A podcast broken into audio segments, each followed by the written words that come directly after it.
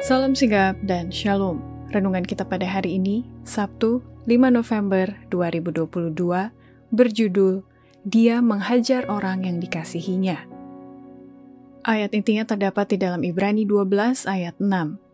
Karena Tuhan menghajar orang yang dikasihinya, dan ia menyesah orang yang diakuinya sebagai anak. Pena Inspirasi menuliskan yang dimaksud dengan judul renungan kita pagi ini, Dia Menghajar Orang Yang Dikasihinya adalah bukti dia peduli kepadamu.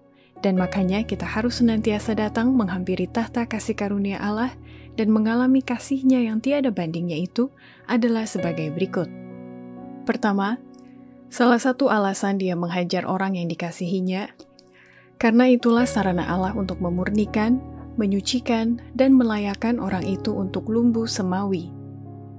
Penderitaan, beban, godaan, pertentangan, dan berbagai ujian yang kita alami itu adalah sarana Allah untuk memurnikan kita, menyucikan kita, dan melayakan kita untuk lumbuh semawi.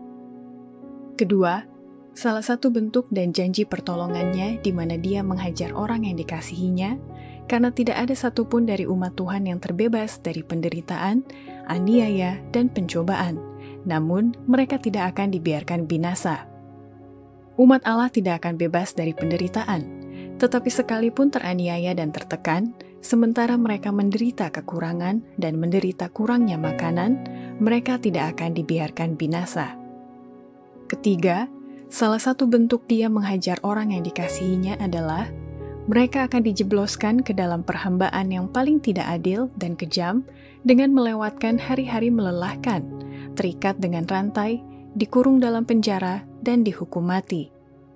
Tetapi banyak orang dari segala bangsa dan golongan, tinggi maupun rendah, kaya dan miskin, hitam atau putih, akan dijebloskan ke dalam perhambaan yang paling tidak adil dan kejam. Umat yang dikasihi Allah melewatkan hari-hari melelahkan, terikat dengan rantai, dikurung dalam penjara, dihukum mati. Sebagian seolah-olah dibiarkan mati kelaparan dalam kegelapan dan penjara yang jorok. Keempat, salah satu bentuk dia menghajar orang yang dikasihnya adalah setelah selesai pelayanan keimamatan Yesus di surga, maka umatnya yang setia akan dibiarkan kepada pengendalian malaikat-malaikat jahat dalam waktu singkat saja. Apabila Yesus meninggalkan bilik yang maha suci, maka rohnya yang menahankan itu ditarik dari para pemerintah dan rakyat.